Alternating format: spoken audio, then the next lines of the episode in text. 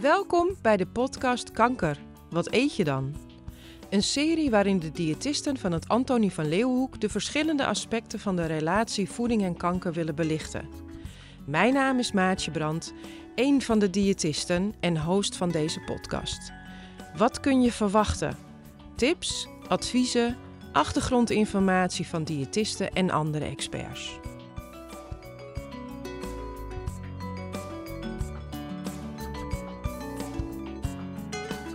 Borstkanker is een van de meest voorkomende tumoren bij vrouwen. Het komt overigens ook bij mannen wel voor. Er zijn verschillende behandelingen: operatie, eventueel gecombineerd met chemotherapie, bestraling, hormoontherapie. Hierbij zien we vaak vrouwen die tijdens en na de behandeling kampen met ongewenste gewichtstoename. In de studio is aanwezig Sarah Verschuren, diëtist en onderzoeker bij het Antonie van Leeuwenhoek. Met haar bespreek ik hoe je hier het beste mee om kan gaan. Welkom Sarah. Dankjewel Maartje. Leuk om hier te zijn. Um, ja, die ongewenste gewichtstoename, dat, dat zien wij eigenlijk best wel vaak hè? Klopt, um, inderdaad. Zijn daar uh, redenen voor aan te wijzen? Ja, uh, die zijn er, hoewel we nog niet van, uh, om, hoewel we de precieze reden nog niet helemaal weten. Um, maar inderdaad, uh, zoals je zegt, um, zagen wij als diëtisten in het Antonie van Leeuwenhoek steeds vaker vrouwen op onze polykliniek uh, die uh, ja, veel in gewicht waren aangekomen na de behandeling. Mm. Um, en nou, dan heb ik het echt over ja, zo'n 6 tot 10 kilo wel. dat, dat zagen we echt steeds vaker. en nou ja, er zijn eigenlijk verschillende redenen waarom mensen kunnen aankomen tijdens zo'n behandeling voor borstkanker. Uh, je zei inderdaad al van je hebt verschillende behandelingen. Hè? Je hebt gewoon de operatie natuurlijk. Uh, dan heb je de chemotherapie. Uh, dan heb je de bestraling. En dan heb je inderdaad de antihormonale therapie. En eigenlijk lijkt het zo te zijn dat vooral eigenlijk die chemotherapie invloed heeft op, op die gewichtstoename. Mm. En dat komt eigenlijk omdat uh, de chemotherapie lijkt invloed te hebben op het uh, metabolisme. En het metabolisme dat is, ook wel, wordt ook wel de stofwisseling genoemd. En dat houdt eigenlijk simpel gezegd in de hoeveelheid voedingsstoffen die je eet, hè, de, het aantal calorieën, de balans tussen ehm, wat je eet en wat je verbruikt. Dat is een bepaald evenwicht die je normaal gesproken hebt. En dat is uh, in een normale situatie min of meer stabiel. Hm. Dus hè, als je op de weegschaal gaat, dan kan je gewicht natuurlijk altijd wel wat schommelen. Maar als je dezelfde hoeveelheid eet en je blijft dezelfde hoeveelheid bewegen, dan is dat eigenlijk een stabiel evenwicht. Hm. Uh, maar het lijkt dus zo te zijn dat die chemotherapie uh, dat metabolisme vertraagt. Dus je verbranding wordt eigenlijk langzamer. Uh, en op die manier, natuurlijk, als je hetzelfde blijft eten, gaat je gewicht omhoog. Ja, en is dat dan dus alleen bij de chemotherapie van tegen borstkanker of is dat ook bij andere chemotherapieën wel eens te zien? Uh, nou, uh, dit lijkt uh, dus vooral bij uh, chemotherapie bij, bij borstkanker en ook wel bij prostaatkanker zo te zijn. maar het is niet alleen die chemotherapie. Uh, er zijn eigenlijk best wel veel factoren die uh, kunnen uh, leiden tot zo'n ongewenste gewichtstoename.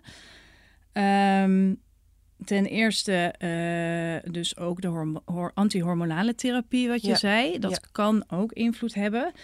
Um, nou ja, die, die, ja, is het fijn als ik iets uitleg over die antihormonale Ja, therapie? dat is wel prettig, ja. ja. ja. Uh, nou, je hebt verschillende soorten tumoren bij borstkanker. En um, uh, de tumor kan uh, afhankelijk zijn van hormonen. Dus die groeit soms onder invloed van vrouwelijke hormonen. Dus uh, progesteron en oestrogeen. En um, dus als dat zo is, dan wordt vaak antihormonale in therapie ingezet. en dan heb je daar twee soorten in. Je hebt één soort die remt zeg maar de aanmaak, aanmaak van die hormonen. En je hebt een soort uh, antihormonale therapie die remt de werking van hormonen. Hm. Uh, hè, dus om te voorkomen dat die hormonen bij de kankercellen kunnen komen. Ja, Zodat Om die zo kanker dan weer eh, geremd wordt ook in de groei. Omdat die, ja, Exact, ja, precies. En normaal gesproken is het vrouwelijke hormoon, hè, dat wordt geproduceerd door de, door de eierstokken, Ja. die remt normaal gesproken eh, de eetlust. Hm. En daarmee dus eh, hè, de voedingsinname op een bepaald moment. En eh oestrogeen eh, verhoogt ook juist het energieverbruik. Dus je kan je voorstellen als je antihormonale therapie gebruikt, dat die werking van die oestrogeen geremd wordt en dat dat dus een toename in de eetlust zou kunnen veroorzaken. Ja. En dat daarmee dus nou ja, de balans verandert en dus een gewichtstoename kan voorkomen. Ja. Eh, dus dat is een andere reden waarom vrouwen in gewicht kunnen aankomen. ja. Nou ja, en dan heb je ook nog ehm, dat vaak door, door die antihormonale therapie dat vrouwen eh, vervroegd in de menopauze, in de overgang kunnen komen. En de overgang brengt ook weer een vertraagd metabolisme met zich mee. Ja. En dan krijg je vaker dat vrouwen vet op gaan slaan, eh, met name rond de buik. Ja. Dus dat is nog een extra reden, inderdaad, die, hè, die die gewichtstoename kan bevorderen. Hm. Nou ja, en dan heb je ook nog hè, als gevolg van de behandeling bepaalde bijwerkingen. Zoals vermoeidheid. Hè. Eh, nou ja, mensen worden vaak echt heel moe na zo'n behandeling. En vermoeidheid kan ook weer invloed hebben op eh, juist meer eetlust. Ja. Hè, dat heb je zelf misschien ook wel eens als je moe bent. Dat je, nou, dat je eerder naar een zak chips grijpt of een koekje op de bank. Hè, Ja. Gewoon zonder erbij na te denken eigenlijk. Omdat je gewoon heel erg moe bent. ja. Nou ja, of dat je hè, minder eh, gaat bewegen, minder gaat sporten, omdat je gewoon letterlijk uitgeput bent. Dus dat je leefstijl ook eh, misschien anders is dan dat die was voor de behandeling. ja. Nou ja, en dan heb je ook nog eh, dat de, gewoon, eh, de energieinname verhoogd kan zijn. Dat mensen gewoon meer gaan eten. Ook omdat je, eh, hè, als je begint aan een behandeling, aan bijvoorbeeld een chemotherapie, dat het ook kan zijn dat je te veel gaat afvallen juist. Oh ja. Hè, dat je, nou ja, of dat het richting ondervoeding gaat. Nou, dat wil je ook niet. En je wordt natuurlijk ook gewaarschuwd. Ook terecht is dat hoor. Dat, dat je misselijk kan worden, dat je smaak kan veranderen.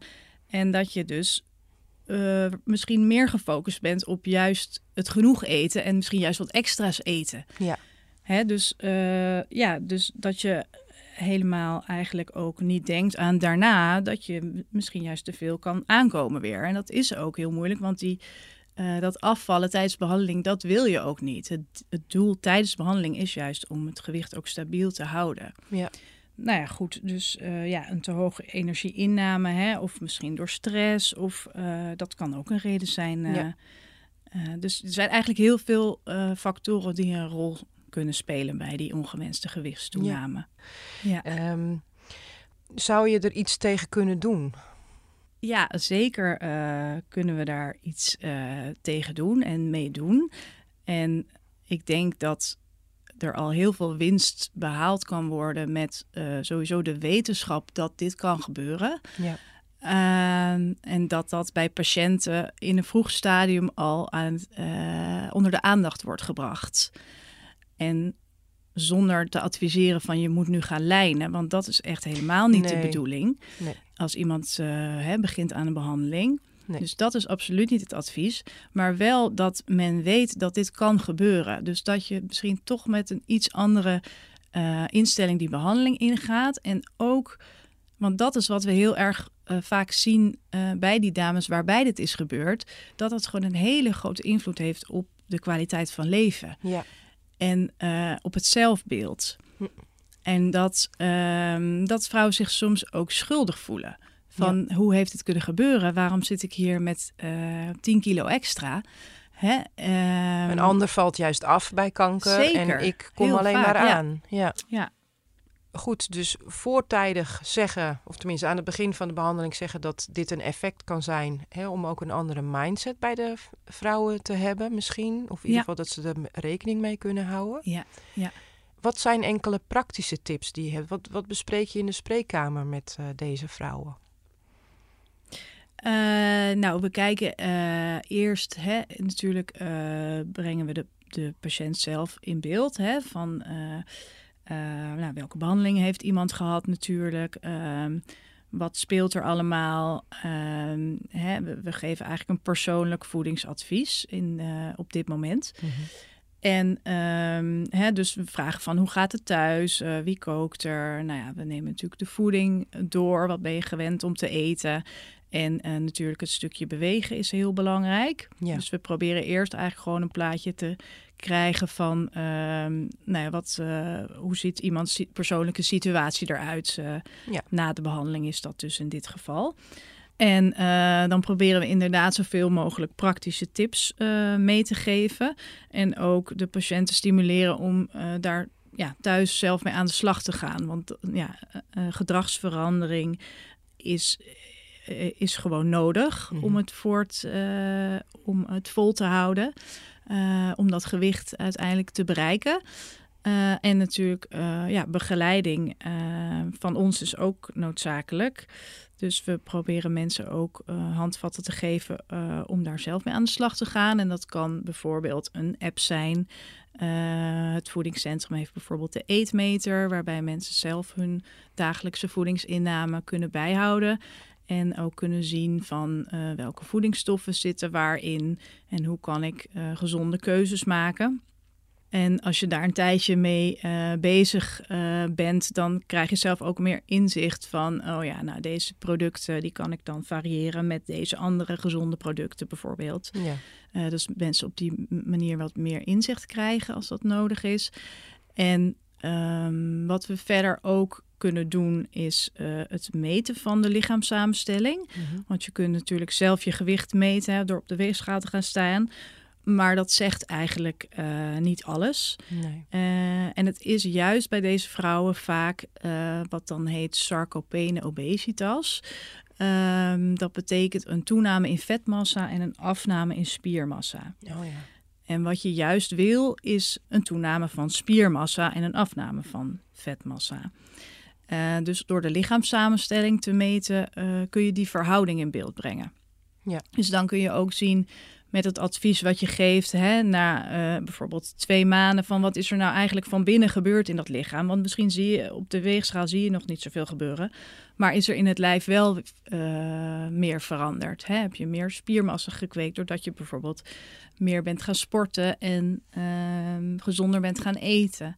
Dat je meer eiwitten bent gaan eten. Bij het opbouwen van de spieren zijn de eiwitten altijd uh, belangrijk. Ja. Dus dat, dat uh, is wat wij kunnen doen. En um, ja, we kijken gewoon bij ieder uh, gesprek weer van hoe gaat het nu natuurlijk. Hè? We uh, stellen samen met de patiënt bepaalde doelen op en die evalueren we dan. En dan kijken we hoe gaat het daarmee, waar is nog extra hulp bij nodig? Of heeft iemand misschien behoefte aan bepaalde recepten of hè, goede websites waar je die kan vinden bijvoorbeeld. Ja. En welke website zou je dan adviseren? Nou, ik noemde al uh, uh, het voedingscentrum. Hè. Die hebben ook uh, de eetmeter. Dat is die app om zelf je voeding bij te houden. Mm -hmm. Um, en um, dan heb je voeding en kanker info. Dat is een hele informatieve site waar um, praktische adviezen staan, maar ook heel veel feiten en fabels worden uh, beschreven. Want er gaan natuurlijk heel veel verhalen uh, rond over voeding en kanker. En daar wordt eigenlijk op basis van het nieuwste wetenschappelijke bewijs wordt daar advies gegeven over nou, wat, hoe zit het nou eigenlijk over een bepaalde feit of fabel ja. over kanker en voeding. En de websites van het Wereldkankeronderzoekfonds, die hebben veel informatie erop staan. Ook voor adviezen bijvoorbeeld na de behandeling. Um, wat natuurlijk ook belangrijk is. En ja, ik denk dat het nu voor sommige mensen, dan is een behandeling klaar en dan worden mensen soms een beetje in het diepe gegooid van ja, mhm. en hoe nu verder? Ja. En dat is zeker met, met voeding, ja, gewoon belangrijk om dat op lange termijn natuurlijk vol te houden. Bepaalde eetgewoonten of bepaalde ja. uh, beweeggewoontes. Ja, ja heel ja. goed. Uh, Sarah, jij bent met je collega China Chonayu uh, uh, onderzoeker en Denise Homan natuurlijk, onderzoeker op de afdeling. En jullie tweeën hebben een onderzoek wat speciaal gericht is op dit onderwerp, hè? overgewicht bij borstkanker. Kan ja. je daar iets meer over vertellen? Ja, zeker. Um, ja, wij hebben, nou ja, om um, wat ik vertelde, hè, dat we steeds meer vrouwen op onze eigen polykliniek zagen die uh, last hadden van ongewenste gewichtstoename, hebben wij subsidie gekregen van het Nationaal Fonds tegen Kanker. Uh, die overigens ook een goede website hebben waar uh, veel praktische informatie te vinden is om daarmee in kaart te brengen van hè, als wij nou een interventie opzetten Um, voor uh, gewichtsmanagement bij borstkanker. Uh, waar moet dat nou uh, vooral volgens de patiënten aan voldoen? Hè? Want wij kunnen wel alles, allerlei dingen verzinnen of uit wetenschappelijk onderzoek halen. Dat doen we ook hoor. Dat is ook een onderdeel daarvan. Van wat mhm. werkt nou volgens de wetenschap, via, hè, volgens studies. maar uh, ook echt heel praktisch van waar hebben de patiënten zelf nou behoefte aan? Want die hebben natuurlijk te maken met de bijwerkingen. Uh, van zo'n behandeling. Hè? Van wat is nou volgens hen een geschikt moment om te starten met zo'n voeding- en beweegprogramma? En welke elementen moeten daar eigenlijk in zitten? Hm. Dus wij zijn in uh, gesprek gegaan met patiënten uit het AVL um, door middel van focusgroepen, hè, dus groepsgesprekken, uh, om dit te inventariseren. En uh, wij zijn ook in gesprek gegaan met professionals, dus die zo'n interventie uiteindelijk zouden kunnen gaan uitvoeren. Uh, dus diëtisten, uh, fysiotherapeuten, maatschappelijk werkers en eventueel psychologen. um, om naar hun ervaringen met deze doelgroep te vragen. En om met hun te bespreken van hoe zij denken dat zo'n interventie eruit moet zien. Ja. Ja, dus uh, dat loopt nu nog. Daar zijn we nu be mee bezig met die gesprekken. En uiteindelijk uh, is de bedoeling dat we na anderhalf jaar dus eigenlijk een plan hebben klaar liggen. Uh, van nou, zo gaat de interventie eruit zien. En op dit moment, op, hè, op, op dat moment willen we de interventie aanbieden. Mm -hmm. Het lijkt erop dat dat echt al in een vroeg stadium kan. Dus eigenlijk al gelijk na diagnose, of in ieder geval bij start van de behandeling. Um, dat mensen kunnen starten met zo'n programma. Hè, voor wie wil dan, wie ja. daar behoefte aan heeft. En uh, nou ja, ook uh, hè, hoe lang moet zo'n interventie dan uh, doorlopen? En op welke manier? Hè, dat je bijvoorbeeld begint in het ziekenhuis met het krijgen van bepaalde adviezen of het, het, gaan naar de fysiotherapeut bijvoorbeeld. Maar dat je ook weet hoe je dat dan in de thuissituatie langer kan volhouden. Ja. En um, ook uh, zullen we dan scholingsmateriaal ontwikkelen voor bijvoorbeeld de diëtist of de fysiotherapeut, uh, zodat zij zo'n programma kunnen gaan draaien. Ja, landelijk ook. Dus niet alleen. Dat is wel de bedoeling, zeker. Oh. Ja, ja we, we, zullen starten in het AVL, maar het idee is zeker om dat ook uh, hè, om iets te ontwikkelen wat je ook landelijk zou kunnen invoeren. Ja, jeetje. Ja. ja. En hoeveel tijd hebben jullie nog nodig voor dit onderzoek? Hoe lang duurt het nog? Denk je? Ja, hoe lang hebben we nodig? Nou, we hebben dus uh, nu anderhalf jaar uh, hè, voor de, uh, het voorwerk, zeg maar. En dan, nou ja, hoe dat gaat in de wetenschap, dan heb je een plan liggen en dan ehm, wil je weten of het haalbaar is voor de patiënten. Hè? Want het is, ja, het is een idee. Ja. dus dat heet dan een haalbaarheidsstudie. Die willen we hierna dan gaan doen. Van, en dat je ook kijkt naar de kosten bijvoorbeeld. Oh, ja of de verzekering een rol kan of moet spelen, bijvoorbeeld. Nou, dus dat, dan doe je een zogenaamde haalbaarheidsstudie. En als je dan weet dat het haalbaar is, dan wil je eigenlijk ook nog het effect weten. Dus dan ga je het programma wel al draaien met een, zeg maar, een testgroep, hè, een pilotgroep. en om effect te kunnen meten, dan moet je dat wel, ja, dat heb je niet, dat weet je niet in een paar maanden. Nee. Dus uh, dan heb je het ook nog wel zeker over een jaar, denk ik. Ja. Uh, maar goed, dan, dan loopt het programma wel al. Ja, dus, precies. Um, maar goed, dat is in de wetenschap heb je nooit iets uh, in nee. een paar weken voor elkaar. Helaas. Nee, nee, helaas. Maar ja, ja we hebben wel genoeg plannen. Zeker. Ja, ja. nou, klinkt goed, Sarah. Ja, ja. Ik heb uh, altijd een, een vraag aan het einde van de podcast. Als jij tenminste alles besproken hebt wat je wilde bespreken. Ja, ik denk het wel. ik uh, vind het heel leuk om erover te kunnen ja. spreken. En, en fijn om het onder de aandacht te kunnen brengen. En ja. want dat vind ik voor de patiënten het belangrijkste. Dat, ja, dat men weet dat het er is. Dat we erover nadenken. En dat, dat het niet een, een gek vreemd probleem is om zoveel aan te komen. En, ehm, maar dat het belangrijk is dat er iets mee gebeurt. Ja, ja. ja mooi. Nou ja, daarom heb ik dan aan het einde van de podcast altijd een vraag aan iedereen die komt. En dat is misschien een beetje een uh, onverwachte vraag, maar heb je een tip, heb je een anekdote, heb je een recept wat je zou willen delen met de luisteraar?